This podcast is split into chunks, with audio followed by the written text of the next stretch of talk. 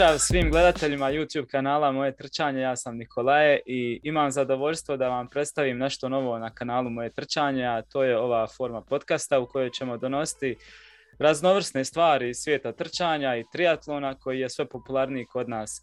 Ehm, upravo je moj gost, friški Ironman finisher Igor Isanović iz Sarajeva sa kojim ću razgovarati o njegovom jako dobrom debitantskom nastupu u Klagenfurtu, a kroz to ćete saznati brojne stvari o samom triatlonu kao sportu i kako se pripremati i sve druge pikanterije. Um, Igore, hvala što ste odazvao pozivu i dobrodošao. Hvala vama za poziv i bolje vas našao. Evo, kako se osjećaš i kako ide proces rekuperacije nakon 226 km u Klagenfurtu svega? pa, za divno čud osjećam se odlično. Znači, ošte kao da u suštini nisam ni završio taj Ironman.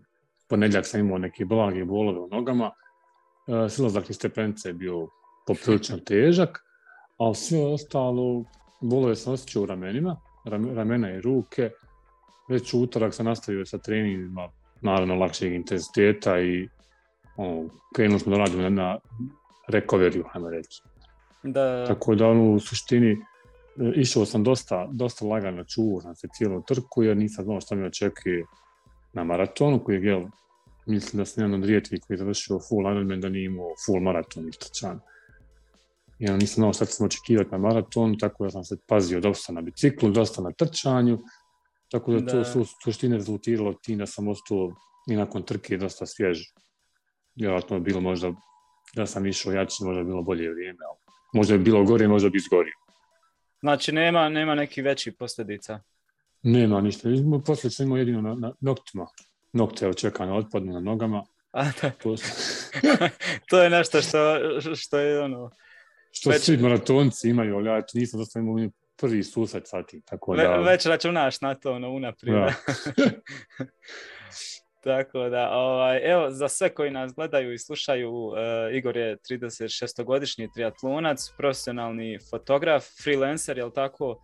Da, da. Uh, suprug, otac i ne znam šta sve već ne, jer samo kad pomislim na sve svakodnevne obaveze i onda na sate i sate uh, treninga u tri sporta koje moraš ugurati u ra životni raspored i onda mogu reći samo da ste i mađončari, svi koji se time bavite, stvarno, ono, Mislim, naravno, na, na amatere, rekreativce koji iz ljubavi tim se bave, dok profesionalci jel, ovaj, u svim sportovima imaju, evo, da malo grublje i slobodnije kažem, ono, svo, svo, svo vrijeme ovog svijeta da usmjere prvenstveno na svoje treninge, ali to je već neka druga tema. Ovaj, ti si nedavno, znači, u Klagenfurtu uh, finiširao za 11 sati, 16 minuta i 28 sekundi.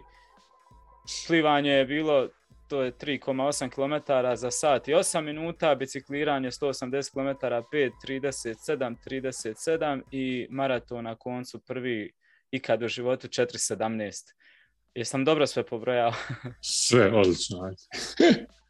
Tako u da, sekundu, u milisekundu, što bi se rekao. Da, to je znači službeno vrijeme. Uh, Hajmo sad malo da se vratimo unatrag ovaj, na, na same tvoje početke u biti i, i kako si krenuo da se baviš triatlonom. Je, jesi li imao prije neku sportsku pozadinu prije toga i je se bavio već trčanjem? Ono, jer kod nas je obično naj, i najčešće u biti da ljudi krenu uh, sa trčanjem pa onda idu nakon nekog vremena dalje u neke izazove u triatloni, šta ja znam, ultramaratonce. I... Kako pa, je tvoj biti, put išao? Biti moj put je ja sam u suštini biciklista, znači sam istražio sam na biciklu, svega. prije svega sam biciklista, znači vozio sam biciklo jako dugo, ne znam, aktivno možda ni ne znam, 12-15 godina da sam aktivniji. Pretežno to bio MTB gdje sam uživao po planinama, po vrhovima tim, nisam imao mogućnost da kupim cestovni, pošto sam bilo dosta skuplji. Uh, 2015. Uh, kako sam pratio dosta Andreja Višticu, kad je pobjedio na Emblemanu, bilo mi je fascinantno uh, takve brzine postizanja brzina na biciklu. Tad sam se manje više prvi put ustrao sa uh, triatlonom, sa, sa pojmom što znači triatlon. Da. Uh, njega sam pratio, znači njegove treninge, bilo mi, kajem tu rekao, znači već fascinantno da postižu tolike brzine na toliko dužinama ono, na 180 km, a kako volim brdo, volim brdsku vožnju, Engelman je najteža trka koju je on završio, koja ima najviše brda u suštini. i tad se nekako počela stavati ljubav na tome svemu, međutim, zbog ranije povrede iz djetinjstva ruke, lijevog ramena, znači ovo je sve malo ne slomljeno bilo, mm odbijalo me plivanje cijelo vrijeme. Sve dok 2017. godine, nakon jednog trčanja, tačnije u stvari 2018. Uh, Dario Ružić mi je rekao, ono, ako ne probaš, ne znaš da možeš završiti. To je bilo na Igmanu, na 10k utrci, ja sam odmah dan posle toga oču na bazen da probam da vidim.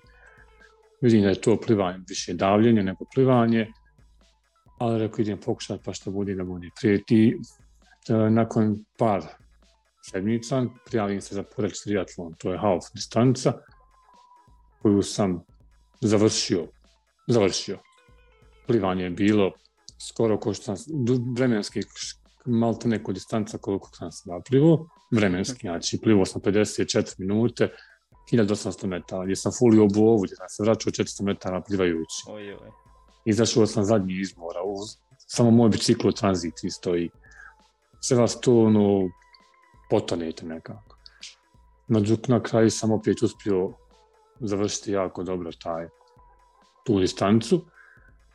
Da bi se 2019. prijavio na Kotor, Ocean Lavu, gdje sam popravio vrijeme, gdje sam isplivao puno brže uh, i te iste godine sam prijavio Poreć triatlon da vidim reprizu svega toga. Uh, repriza je bila 32 minute tog istog plivanja, što sam poprilično popravio plivanje. I naravno sljedeća stanica je bila full Ironman. Prijavio sam ga u julu te 2019. koji je trebao biti u julu 2020. U oktobru sam počeo sa intenzivnim pripremama da bi se, jel, zbog korone se to otkazalo na septembar. 2020. naravno oborili smo tempo, vam ponovo se dizati, graditi bazu, sve cikluse do tog jel, trenutnog pika, kad bi u augustu, početkom augusta, oni otkažu tu trku ponovo za juli 2021. godine. Nisam gubio ni volju, ni ništa, samo mi je dalo, imao sam u glavi, ok, sad imam više vremena da se spremim malo bolje. Krenula je zima, imao sam jednu povredu na Trbeviću, gdje sam izvrnuo zlob lijeve noge. Uh, oporavak sam je traju neka dva, tri mjeseca, jer sam pokinuo ligamente i krenuo sam ponovo novo spremanje. Do tada sam, naravno, jeo plivo, vozio sam bicikla, nisam mogao trčati. Znači, tri mjeseca ne trčanja su poprilično utjecala na formu trkačku, ali se brzo i vratila. Uh, u februaru mjesecu uzmam trenera Vladimir Žic iz Zagreba, koji, koji ovom prilikom se jednom zahvaljujem, znači dobio me do, do, do ovoj forme na kojoj sam sada treninzi su i zahtjevni i nisu zahtjevni. Zavisi kako, koji, kako koja sedmica, kako koji segment. Tako da u suštini, znači, glede toga, uh, krenuli smo znači, za spremanje za juli mjesec, da bi se u maju ponovo radi koroni otkazali smo. Znači, to je treći put da dolazim do tog nekog maksimuma, I onda... kad ostanu još par sedmica treninga i ah, ponovo sve iz početka. Strašno. Teško, teško je i tijelo ono stalno dizat spušta, dizat spušta taj neki tempo. Uh, tako da ono, ništa idemo sad iz početka ponovo. Sve, već nemaju ni vremena da se ide iz početka, nego smo nastavili gdje smo stalo, samo malo smanjili tempo. Da bi počelo podizati tempo, kako se počelo dizati tempo, meni je malo i posao više krenuo u augustu, da bi se mjesec dana pred trku prehladio. Znači najgluplja stvar koja se mogla desiti, nisam imao prehladu zadnje 3-4 godine, plastična prehlada me ufatila dvije sedmice, bukvalno sam smanjio sve treninge. Nekih po desetak dana pred trku sam uh, istegao ligamente lijevog koljena, kako ne znam ni sam, znači sve je krenulo. Sve što je moglo. Sve što je se moglo desiti, desilo se u tih zadnjih mjesec dana pred utrku. Čuo sam zahvaljujući doktoru Bojani, master fizikala, oporavio, zaliječili. Nismo oporavili, da, zaliječili da. smo da se može otići na trku.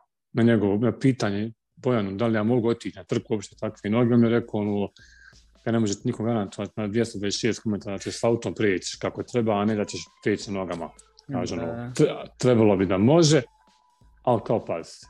I dolazi taj dan sam trke, noga je dobra, nije najbolja, ali je ok. Na plivanju nije, nije nikakav problem, na biciklu sam se dosta bio čuvao, brda pogotovo, i došlo je to trčanje koje je, evo, meni velika nepoznanica. Općenito trčanje, nisam neki ljubitelj, došao je taj maraton, hajmo završiti kako treba, krenuo sam trčat, e, držao sam 55, 55, je, to je neki start bio, na kraju finiša je bilo 6.06. Uh, to izgubio sam tih 10 sekundi na pesu iz razloga što sam kroz okrepe hodao, uh, jer nisam htio da se u trku da pijem vodu, da pijem kolu, da se da zagrcnem nešto. I hodao sam na nizbrdicama, kroz potputnjake se prolazilo, nisam mogao nizbrdo trčati zbog noge. Da. I tu sam izgubio neku, možda neki pola minuta, koji uopšte nisu bile bitne. Na kraju, znači, sam ulazak kroz finiš, imate neka oko neka dva kilometra pred finiš dolazite i kruži se okolo i čujete kako tamo ljudi prolaze, dolaze i ono, u finišu najavljujete čaj da dolaziš, proziva tvoje ime, kaže da se Ironman. Ispunjenje sna unazad nekih 6-7 godina želje i divljenja tim ljudima da si rame uz rame s tim ljudima i da sam rame uz rame na prvoj Ironman utrci sa čovjekom kojeg sam prvi put čuo riječ Ironman sa Andrejem Višticom koji je taj, da. Tada napravio svoj neki rezultat uh, personal best i ponovo borio rekord Hrvatske. Popravio da svoj rekord. Da, popravio svoj rekord. Ono, znači, moj, moj, moj ponos je tada bio znači, na samom vrhu. No, znači, proći isti finish line koji je prošao neki tvoj idol koji je u prvoj kategoriji nema svoj cijenu. Da, da, da. I da si u samo koliko ono, 5% ljudi u svijetu koji su finiširali. Da, koji su finiširali. I nedavno sam čitao sam da sam u 1% ljudi koji su završili Ironman sa prvim maratonom ističanim na Ironman. to, je, to, je... Od to je dodatno od tih 5% ljudi. I hrabrost je baš, pogotovo zato što ti trčanje nije, jel, ovaj...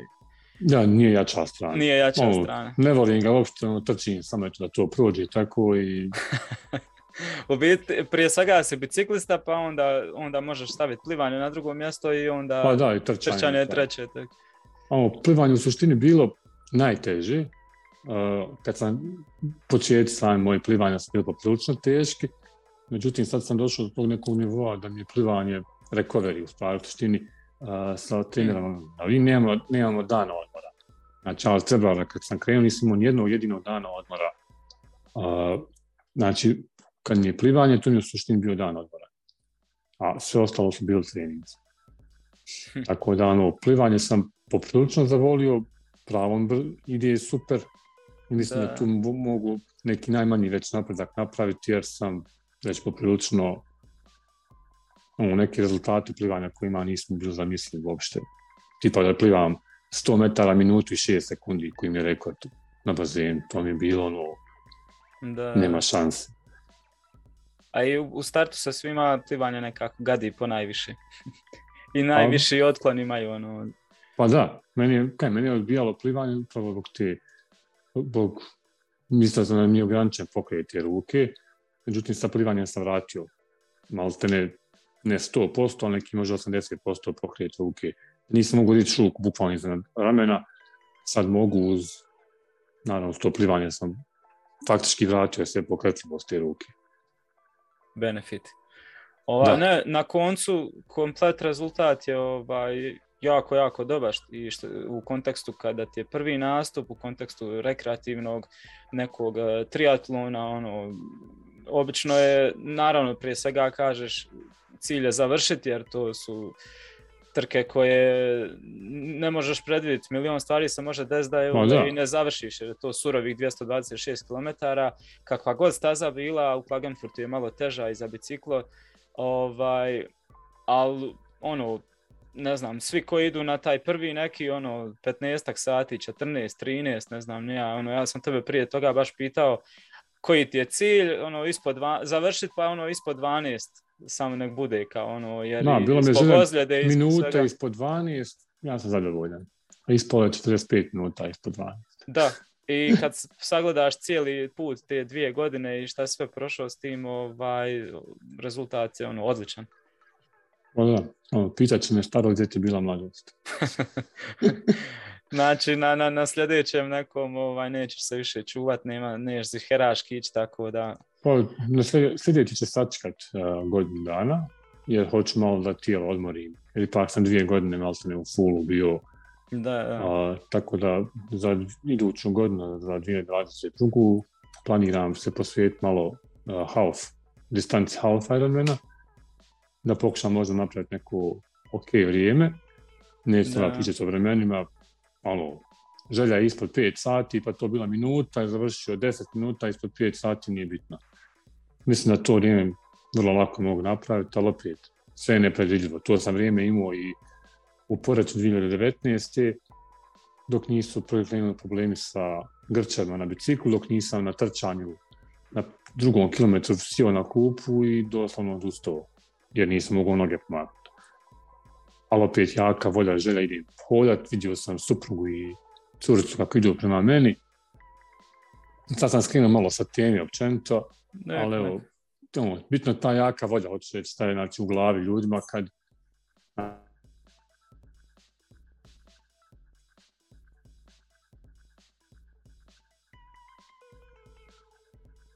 Znači, ja sam vidio njih malo se prekinuo poziv neki. Za trenutak nas je izbacila. Ona- Samo nastavi slovo. Uh, znači, da ja sada prekinem zbog uh, nekih grčeva u stomaku. Ne želim, idem hodati. Hodao sam možda nekih 200-300 metara, pa potrčim 500. Pa opet hodam 100-200 metara, pa sam, znači, sramota me, ali ruku mi nije sramota. Znači, čitavu dužinu staze ja sam ispovraćao. Nisam povraćao, povraćao sam u kante za smeće, povraćao sam u more. Jednostavno nešto nije mi odgovaralo želucu. Li sam pojeo na dan trke, da li sam pojeo u toku trke, da li možda bio pokvaren neki gel ili nešto. Da, I sve me to držalo do nekog, ne znam, 15. 16. km, je trajala ta agonija, to je dva sata malo ne. E, Ja sam tu pol maraton završio za dva i pol sata, a ukupno vrijeme mi bilo 5 sati i 25 minuta. Što je poprilično dobro, obzirom da sam jel čitavu trku hodu. Tako da u suštini, uh, koliko mora biti jak fizički, mora biti jak i psihički. pa da, da, jer je... Jer ovo je baš mind games. U suštini. Da. E, da se malo vratimo još na, na početke, evo, ovaj, za sve koji bave se i trčanjem, koji se možda razmišljaju o tome, o triatlonu, da se počnu baviti sa, sa tri sporta. A, želiš se početi baviti triatlonom? Kako početi u biti? Napravo odmah ono, nekako mi pada na pamet, treba ti jako puno opreme, jako puno vremena za trening. E, Kako si ti počeo što se toga tiče? Ono, gdje si griješio, gdje si bio dobar, šta možeš sad iz svog iskustva ovaj, nekome ko se želio probati da preporučiš ono, neki najbolji put, šta da izbjegne ono, gledano normalno iz ovog e, našeg rekreativnog amaterskog ugla. Ono. Ovako, u suštini, e, svima bi znači, kao, znači, na prvi preporučio trenera da nabavi. Jer Mhm. triatlon je malo poprilično komplikovan e, sport. Tu u suštini uh, svi ga gledaju kao tri sporta, trčanje, biciklo i plivanje. Ne, to je jedan sport sa tri discipline. Da. A, jer su sve, sve tri discipline se poprilično razlikuju. Znači, trčanje triatlonsko nije uopšte blizu, ni blizu trčanja običnog trčanja, znači maratonskog trčanja. Biciklo isto, biciklizam je uh, drugačiji sport nego biciklo na, na triatlon. Tako da, u suštini, uh, savjet mora je da uzmu trenera. Samog starta ne moraju čak ni trenera, mogu kupiti neki, trener- neki plan, ali da Mhm. se drže tog plana. Ja sam prošle godine nešto pokušavao sam da radim, gdje sam došao do pretreniranosti. Nisam ni znao da je pretreniranost toliko loša, dok se nisam našao u njoj, da mjesec dana nisam što mogao pomaknuti. Znači da sam otišao biciklom od Trnova, gdje me to faktički bukvalno ufatilo, znači ja se jedva vratio. Ono, došao sam do grada, kroz sam gulao biciklo, nisam mogao dok doći. Krvna slika mi se pokvarila, a, zato što sam otkazala se trka, ja sam počeo doslovno da divljam na biciklu, to su bilo nevjerovatne i brzine i sve. nisam radio oporavke, znači radio sam, samo sam išao brzo i na kraju tijelo je reklo stop i otkazalo. A u suštini kad imate trenera ili kad imate neki, trener, neki plan koji ćete se vi držati, puno je lakši. A, težak početak neće dovesti do toga da izgorite svoje tijelo. A, početak plivanja preporučio, ja sam radio, ja sam dosta sam. Znači ja sam sve sam radio, s tim ja sam stavljao GoPro kameru u bazen i snimao se. Dođem Aha. kuću, radim analizu. Uh, usporedim, usporedim neke, znači na YouTube imate more toga, primjera. Uh, tu sam gledao znači, svoje plivanje, uspoređivo sa tuđim plivanjem. Sa hm. plivanjem profesionalaca. Ali profesionalaca iz triatlona, ne iz plivanja. Uh, I ispravljao sam grešku po grešku. Znači nisam išao da ispravljam odmah sve. Znači prvo sam se bazirao na ruke, da ispravim mm -hmm. prvu ru, uh, da ispravim prvo položaj glavi kad sam ispravio položaj glave, krenuo sam da radim na rukama. A, noge na plivanju uopšte ne, rade, noge se radi sa pulbojom, znači noge samo vučete, bukvalno dotaknu, samo da, da održavaju tijelo na površini. Tako da u suštini, a, ko želi brži naprijed, meni je trebalo cirka godinu dana dok nisam savladao. I dan danas imam jako puno greški, vjerujem, na plivanju, ima puno prostora za popravak, ali ako želite brži napredak na plivanju, da brže naučite faktički plivanje, potreba vam je trener, nisu skupi, znači ja sam tu na otoci na bazenu, imate trenera more, ko želi, ja naravno, da nešto, jel, ako hoće u par mjeseci da dostigne neku plivačku formu, da dostigne neku plivački taj, am reći, intenzitet. Da. A, naravno, mogu i sami, ali će to potrati malo duže. S tim da recimo, da sad, sad trenutno godišnje imam preko 350, 350 km plivanja. Znači u ovoj godini do sada imam 280. A još na, jel, koliko, 13 Da, da. A, tako da ono, u suštini, znači, jako, plivanje jako puno zahtjeva discipline i kontinuiteta. Znači, najmanje tri puta sedmično, poželjno čak i više. S tim da, recimo, na plivanju nije na, na ostalim sportovima, recimo, kad je bila korona, bio je otvoren bazen, znači, dva mjeseca, tri, koliko već, uh, otišao sam na bazen, znači privao sam kod da se nije ništa desilo, samo sam izgubio kondiciju, plivačku hm. kondiciju. Znači, da. ušao sam u bazen, imao sam isto vrijeme, na istim dužinama, na istim, ono, sve sam, sam recimo, mjesto što sam plivo radio 3, 4, 5 km, nisam mogao dostići, ne znam, recimo 4 km, nisam mogao dostići kroz neki mjesec dana. Zato što sam izgubio formu. A, znači, brzinu uopšte nisam izgubio. Jer se plivanje je tehnika kad se nauči tehnika, znači ona ostalo gradi. Zbog tehnike i najvažnije u početku onda ima trenera da ono pa da, da, ne praviš stine... greške i ne odeš u nekom možda krivom smjeru jer nisu svi studiozni ono na primjer ko što si bio ti pa da si tako sve ovaj i snimao pa, znači, ja i pratio. Sam, ja sam suština znači, na prvi triatlon svoj otišao s tim da nisam imao uopšte mogu isplovati 1000 metara bazen u komadu. Znači, ono, to je bilo neki 100, 200, 300 metara, pa pauza, pa 500 metara maksimum. I ono, idem, pa šta bude, bude, ajde, ne znam, šta, more, bit će lakši. Ne, bilo je gore. bilo je još gore kad sam profulio tu bovu. Uh, inače, hoćem da fulim to na tom plivanju, sad sam na plivanju u Klagenfurtu. Svi su skrenuli desno na izlaz, ja sam produžio rao i udario sam rukama u, u nije zid, nego obala Obale, ja. Zabio se u zemlju.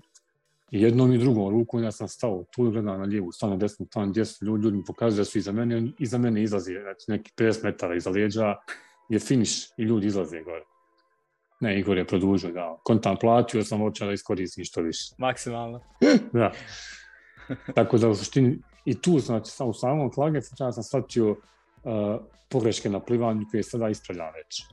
Uh, orijentacija mi je znači nula bodova, ja plivam u bazenu i ne treba nikakva orijentacija. Da. Znači, treba sam uh, i u bazenu moram u suštini vratiti orijentaciju da gledam ispred sebe i da ne gledam samo pločice. Mislim, znam gdje je koja fuga na pločicama u bazenu.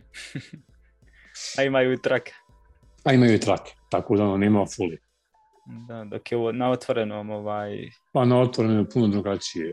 Da. Pogotovo na, pogotovo na, na, na Ironmanu, gdje imate dužinu od 3800 metara za plivati, tako da je baš nije jednostavno pratiti bove koje nisu toliko blizu jedna drugoj, koji su udaljeni jedna od drugi. Imate puno ljudi oko sebe i tu je suštini najbolje vidjeti ako imate nekog dobrog plivača i ne ga pratiti od boje do boje. Da. Onda i vanjski utica i svašta nešto tu. Nije, pa da, recimo, u Klagenfurtu je bilo zanimljivo, uh, mislim, to stoji u prospektu i napomenite stiker, uh, kad se uh, gledajte, znači ravno, pa se skrenete jedno lijevo, nakon 500 metara drugo lijevo i vraćate se prema obalu, stvari idete prema kanalu, mm -hmm. uh, land kanal, land, landmark. Uh, gdje izlazi sunce. Znači, sunce skroz nisko na horizontu i bukvalno se ništa ne vidi od sunca. Znači, ja nisam vidio uopšte bovu ispred sebe. Znači, nego sam pratio plivača, upuzaju studnji, on prati nekoga ispred sebe, taj ispred njega prati njega, taj ispred ispred prati bovu. Lanac. I tako sam, lanac, know, bukvalno smo jedni druge tu vukli, dok se nije došlo do kanala, kanal, jel, kanal je kao, kao naša Miljacka, što je malo je samo priče, prelijepo, prečisto je, puno riba i svi su nakon 1300 metara tog kanala krenuli, jel, desno da izađu, ja sam produžio pravo. Zato što nisam radio tu orientaciju uopšte. Ali evo sad, već sam počeo, znači, danas sam plivao 2,5 km na bazen, gdje sam radio sam na tu orientaciju. Znači, uopšte nisam gledao ni brzinu, ni ruke, noge, mm sam sam gledao, znači, da istvarim glavu, da mi glava nije pod uglom kojim se pliva u bazenu, da mi malo ravnije, da gledam malo više naprijed ispred sebe, u suštini. Da, da. A opet, s druge strane, da sam radio sa trenerom u samom startu i da sam objasnio za šta mi treba, da mi vjerovatno on uputio u samom startu, pa da. jer, ima, jer imaju različite, u suštini, uh, triatlon je open swim. Znači, nije samo nije pool swim, nego open swim. Znači, tehnika za plivanje na otvorenu. Dosta, dosta začkoljica ima koje treba znati u početku. Ali hajmo sad konkretno, ovaj, za početnika evo, koji se odlučio postati triatlonac, koliko treba novaca da uopće krene trenirati ovaj, sva tri sporta, ono, a kol, i recimo, ne znam, možemo, smijemo li o tom razgovarati, koliko je u biti košta konkretno cijeli tvoj put od Ironman finishera kad sve zbrojiš treninge, suplemente, da ne nabrajam sad, a ima toga još poprilično, ovaj, koliko je to u biti skup sport? To je projekat u koji treba ono, a, jako puno sad, novaca. A, ne bi sad govorio o konačnoj cifri mm -hmm. koja me dovela tamo da, da ne prepadneš ljude, ono, kajma jo, kada to je skupo, neće ja to ona, u suštini uh, da počneš se baviti sa, sa triatlonom, treba i pare da kupiš neke prosječne naočale za plivanje, kupiš šort za plivanje, kapu za plivanje i to je to što se tiče bazena. Uh, što se tiče trčanja, znamo svi da je ono, patike, šorts, majica, standardno. E sad biciklo je tu uh, najskuplja najveći, stavka. najskuplja, najskuplja stavka. Znači ja sam se odlučio na da je za mene track speed koncept. Ljubimac. Uh, ljubimac zbog kojeg smo u suštini supruga ja uh, odgodili dva ljetovanja. Znači, dvije godine nismo otišli, smo rekli nećemo ići na more, nećemo otići na more. Par dana, nećemo otići na godišnji odmor, ali to ja na sebi priušio da kupim taj bicikl koji mi je bila velika želja, kojima s ovim putem još jedno zahvaljujem Senadu iz Track Bike centra, na susretljivosti, na ljubaznosti, na samoj mogućnosti da ja vozim taj bicikl, jer kod nas u BiH uopšte nema, ne možete otići u prodavnici kupiti triatlonski bicikl, jer ih nema uopšte, znači sve se radi po naručbi. Hm. A, u suštini možete početi, a, ja sam počeo sa cestovnim biciklom, znači cestovni bicikl na koji sam stavio aerobarove mm -hmm. i u suštini sad ti možete otići na aeronin znači, samo je sada pitanje ona, koliko ćete jel, koliko ste ambiciozni, koliko želite vremena, mada i cestovni bicikl i triatlonski bicikl razlika je da, ogromna, a u suštini ako imate želj da završite, možete otići na MTB biciklu i završiti triatlon. Znači, ima, čak recimo ja sa svojim biciklom ja želj da završim neki olimpijski triatlon, ja ne mogu. Jer te, te bicikl je samo za half i za full. Mm -hmm. Za srednji dugi triatlon i za dugi triatlon. Znači, a olimpijski triatlon je ne mogu otići zato što ne mogu zbog aerobarova koji prelaze dužinu, dužinu volana. A, da. tako da, u suštini, imate više dionica triatlona. Znači, imate sprint triatlon koji je isključivo za cestovni bicikl ili za čak MTB. Na Boračkom jezeru je preporučio čak MTB zato što je poprilično dosta brda. Da. U suštini, uh, neko ko želi da se počne baviti sa tim, moja preporuka je da krene od početka, znači da krene od uh, sprinta, olimpijskog, half pa na full. Ja sam recimo preskočio, preskočio sve to, ja sam očeo tri half i na full. Jer mi uopšte mi nije, ono, te kratke mere, to me- meni lično ne privla, ne privlači. Me, mislim, poprilično je zahtjevan i, i, i, olimpijski, pogotovo sprint triatlon.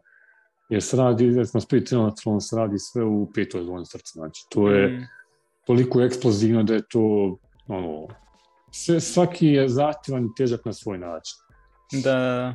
E sad, sa druge strane, uh, finansijske, uh, kod Ironman je poprilično skup. Znači, sama prijava na Ironman distancu, full distancije je od 750 do 860 eura.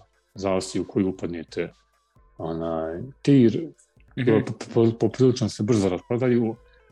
Klagenfurt još uvijek nisu otvorene prijave, ali budu za, za 24 sata bukvalno popunjene sve. A na, ja sam imao neku sreću i sam ono, čekao bukvalno, otvorili su prijave u, u 16.00, u 16.05 su već zatvorili prijave. Ali ja sam popunio kompletnu formu, sve sam spremio, kad, kad su otvorili, bukvalno samo kliknuo i ono, Prošlo. A, znači, imate, imaju puno povoljnije jeftinije. A, isto i za full distance. Recimo, Austrija, Pedes- Pedersdorf, a, mislim da je oko 250 eura prijava za full distancu, ali nije Ironman. Ali isto tako, ali je isto 226 km, znači sve su iste dužine. Da, da. Samo nema Ironman, distan, nema Ironman licencu. A, tako da, ono, moja preporuka općenito za sve, a, ko želi da se počne baviti, i, i ko se već, već bavi, a želi probati, je uradio neki manji, a želi probati half, a, da dođu u Kotor. Aha. mislim da je 15. maj naredne godine. Imaju olimpijsku distancu, imaju half distancu. Meni je, ja recimo u Kotor ću ići bukvalno dok se god bavim ovim i dok god Igor Mera održava te trke. Prvo što je prelijep grad, znači domaćini su fantastični, A, trka je odlična, znači more je u maju. Nama je te godine bilo 12 stepeni, pa smo malo skratili onaj plivačku dionicu. Nadam se da sad sljedeće godine neće. Vozim biciklom je predivno, znači vozi se uz Boku Kotarsku koja je ono fantastična. Da. Tr- Trčanje u, po, po Boku Kotarskom zaljevu uz ljude, kafiće, znači uopšte vi zaboravite da trčite 21 km, znači koliko vas ljudi okolo ima, koliko ljudi bodri.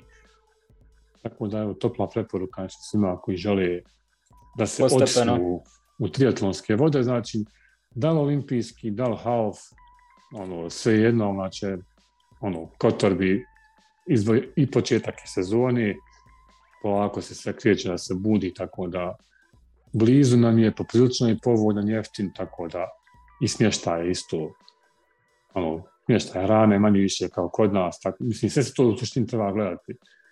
Nama je Pa da. u, Austriji za naš standard koji je, jel, poprilično povoljan, što tiče hrane i svega, mi smo potrošili za tih četiri dana gore neki 300-400 eura samo na dan.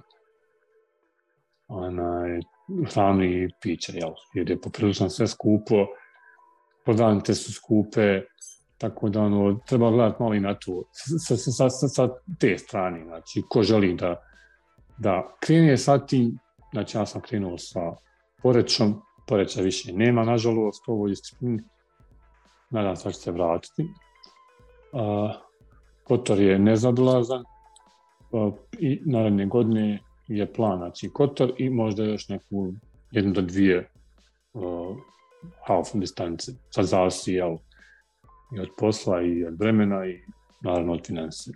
Meni je sad trenutno lakše zato što imam kompletnu opremu, tako da nemam s te strane troškova, ali uvijek u suštini imate neke sitne troškove na biciklu, mijenjanje guma, mijenjanje opreme, mijenjanje lanaca, Da, da, da.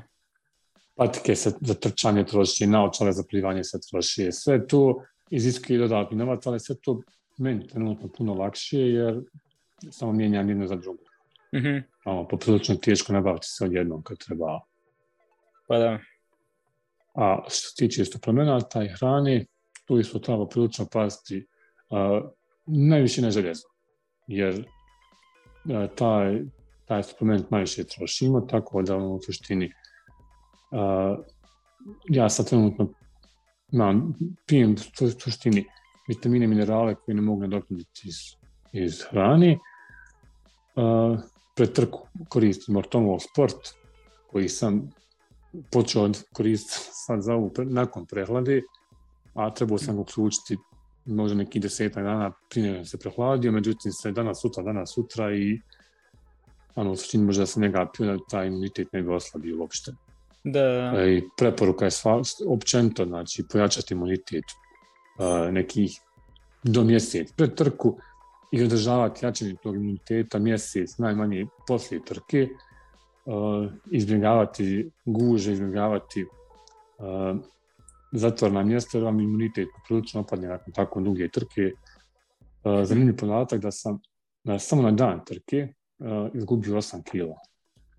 Znači 8, ki, 8 kila za 11 sati. Stalo sam na vagu, pred trku imao sam 88,2 kila. I da kalibriram ujedno i opremu i sve, nakon trke stavim ponovo na vagu 79,8. Dan iza 82 kila.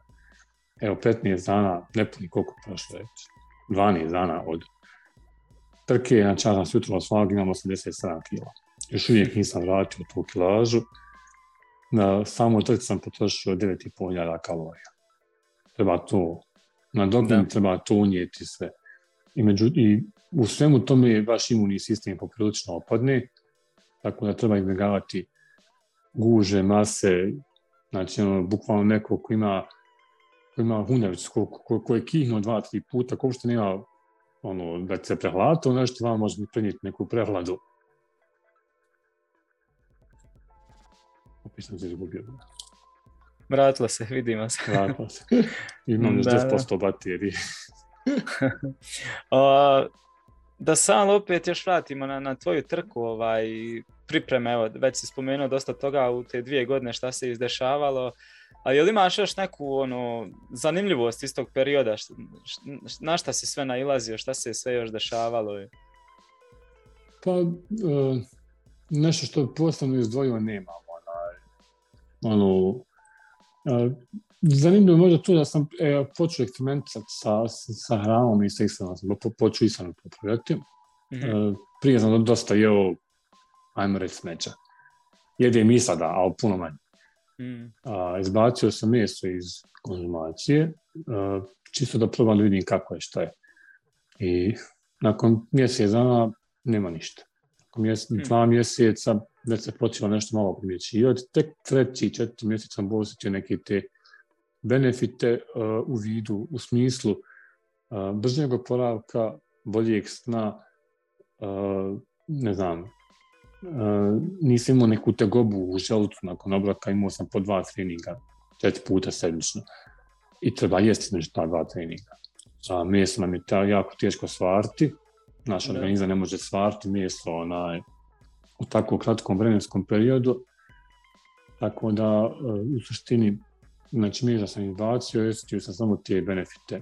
E sad, s druge strane, uh, morao sam pojačati sve ostalo, jer ne mogu se najesti, ne mogu da, da pasim čitav dan zdravo. Ne možeš dovoljno unijeti šta potrošiš sve u toliko. Pa da, a, tako da sam ostavio, ostavio sam ribu, uh, ribu mliječne proizvode i jaja. Mm -hmm. Pokušao sam i to se da izbavati, međutim teško je pratiti onaj, i finansijski sve to, onaj, tako da, da. male vege isto na nije malo poprilično skuplja od regularne, tako da, ali evo, samim mesom, izbacivanje mesa iz, iz organizma, ja sam poprilično osjetio, sad, ne bi ja nikome preporučivo izbaciti meso, to je svako jel da, Ma, da. na svoj, ali recimo ja sam osjetio te benefite koje mi je, recimo radio sam nalaze, radim nalaze krvi svako, neka četiri mjeseca, neko pola godine, I nakon što sam izbacio mjesto, sam mi fantastično, znači nisam imao čak njeni zvijezdice, on da nešto nije bilo u redu. Onda on u suštini, tad je možda zbog mesa, je možda zbog isane i kompletne što sam promijenio se to desilo, ne mogu tačno garanto reći. Da. ali općenito, e, to je neka zanimljivost koja mi se desila. I počeo sam ponovo pit kolu, prestao sam je pit skroz, počeo sam kolu pit jer je to bila za okrepu u suštini na trčanju, tako da sam se morao uvježbati tu kolu da pijem na, na trčanju, pijem flat kolu, izmučkam je skroz, neko rekao prije par godina da ću pit izmučkanu kolu, rekao da ne dao. Ono, uzmem kolu kompletno, izmučkam je skroz, da nema nikakve sode, usadi i popijem onaj... Da, da. Popijem je samo zbog, zbog šećera, zato što na te brze šećere. Da, najlakši unos. Ma da, najlakši unos energije, znači popije se tečno i ono... Brzo ulazi to. Brzo ulazi u organizam. Da, da, da. Na koncu, evo, još malo da, da, da vidimo sam da, taj dan, taj trka i kako je to sve izgledalo, ono, išao si ok, ono, studiozno, ziheraški, znači sve si maksimalno pametno odradio, ali šta je bilo najteže u biti? Šta možeš sad reći da ti je bilo najteže? A, najteže je bilo ne, nepoznanica šta mi se desilo na 130 km biciklističke vožnje. Hmm. Jednostavno sam se ugasio. Znači, vozim, vozim, vozim, vozim. Došao neki pravac, vidim, vati mi padaju, ne mogu da držim. Držao sam otprilike neki cirka 220, 210 do 220 sati. Nisam išao ispod, nisam išao ispod. Uh, I ono ti vat spao na 110, 115. Ne mogu uopšte nogama da utrijem. Uh, otkucanje srca sam počeo padat, kad su spali ispod 100, sam se već zabrinuo. Znači, zašto se gasi? Znači, pravac je, nije nizbrdo, nema vata, nema otkucanja srca. Dok mi nije počeo obljivati znoj hladan, skonto sam pao šećer u suštini. Mm. Uh, uzeo sam par boba dekstroze i onda vrat, vraćam film unazad u glavi. Uh, bilo je prilično burno prije, ti, prije toga.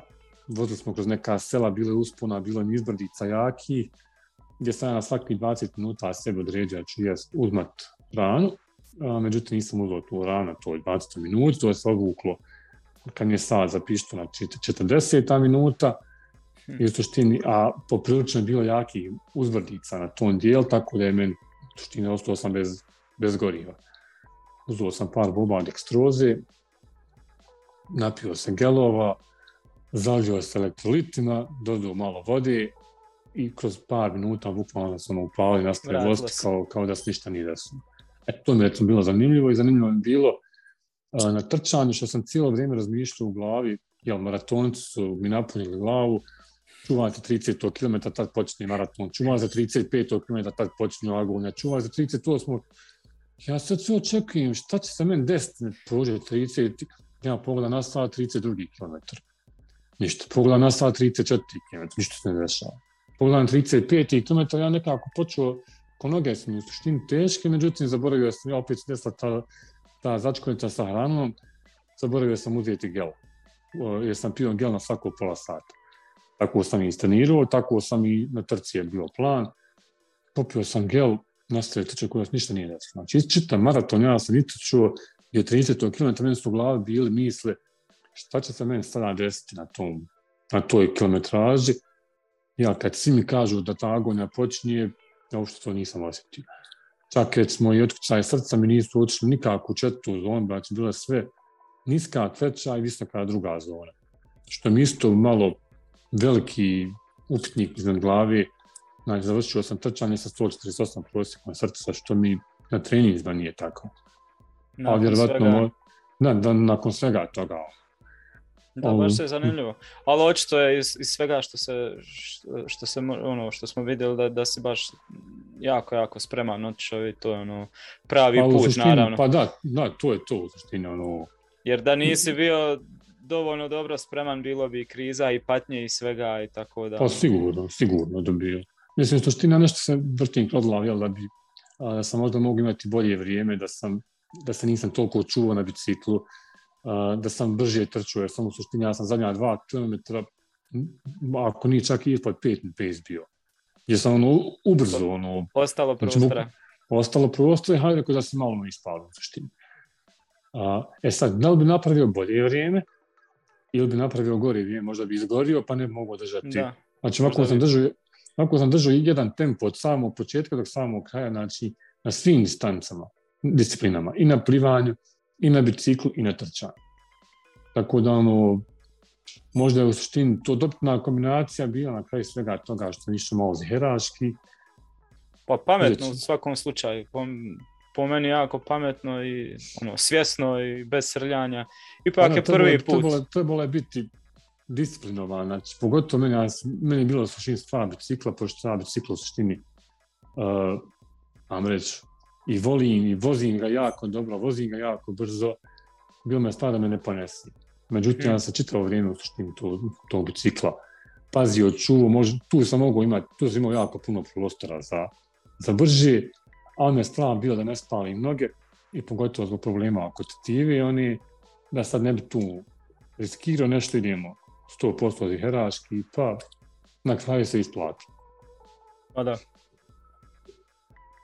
svakom slučaju pametno i, i, i svjesno i bez, bez patnje. I... Ma da, bez, bez nekog, bez crkveta što bi se Bez crkveta, jest, tako Ovaj, ništa, evo, to bi bilo to da ne duljimo previše i da se baterija ne ugasi. Evo je Blinka, tu je?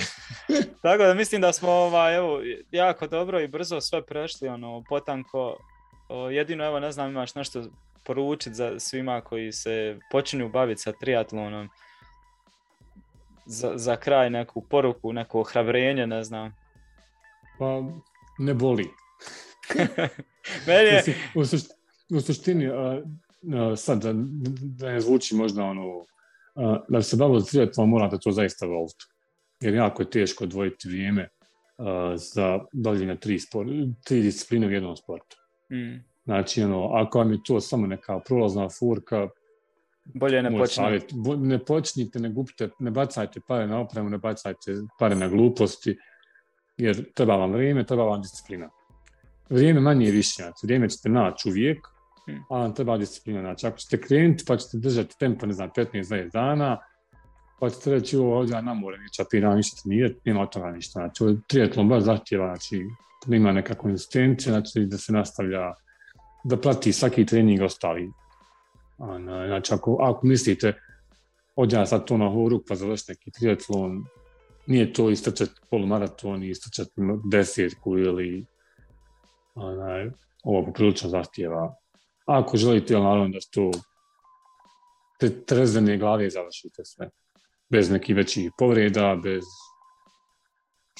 Posljedica, da. Jer može da, biti jako opasno. Ono, u suštini krenite lagano. Nemojte krenuti ko ja, jako, pa izgorite. da. Ništa, to bilo to za ovo izdanje evo, podcasta Moje trčanje kojeg smo upravo pokrenuli, tako da Igore, hvala ti puno Drago mi da se bio u ovoj prvoj epizodi i poziv svima da uh, lajkate, subscribeajte strancu Moje trčanje na YouTube-u, pratite na Facebooku, pratite na Instagramu. Puno pozdrava svima i čujemo se uskoro u nekoj drugoj epizodi. Pozdrav svima. Čujemo se, vidimo se. Ćao. Ćao.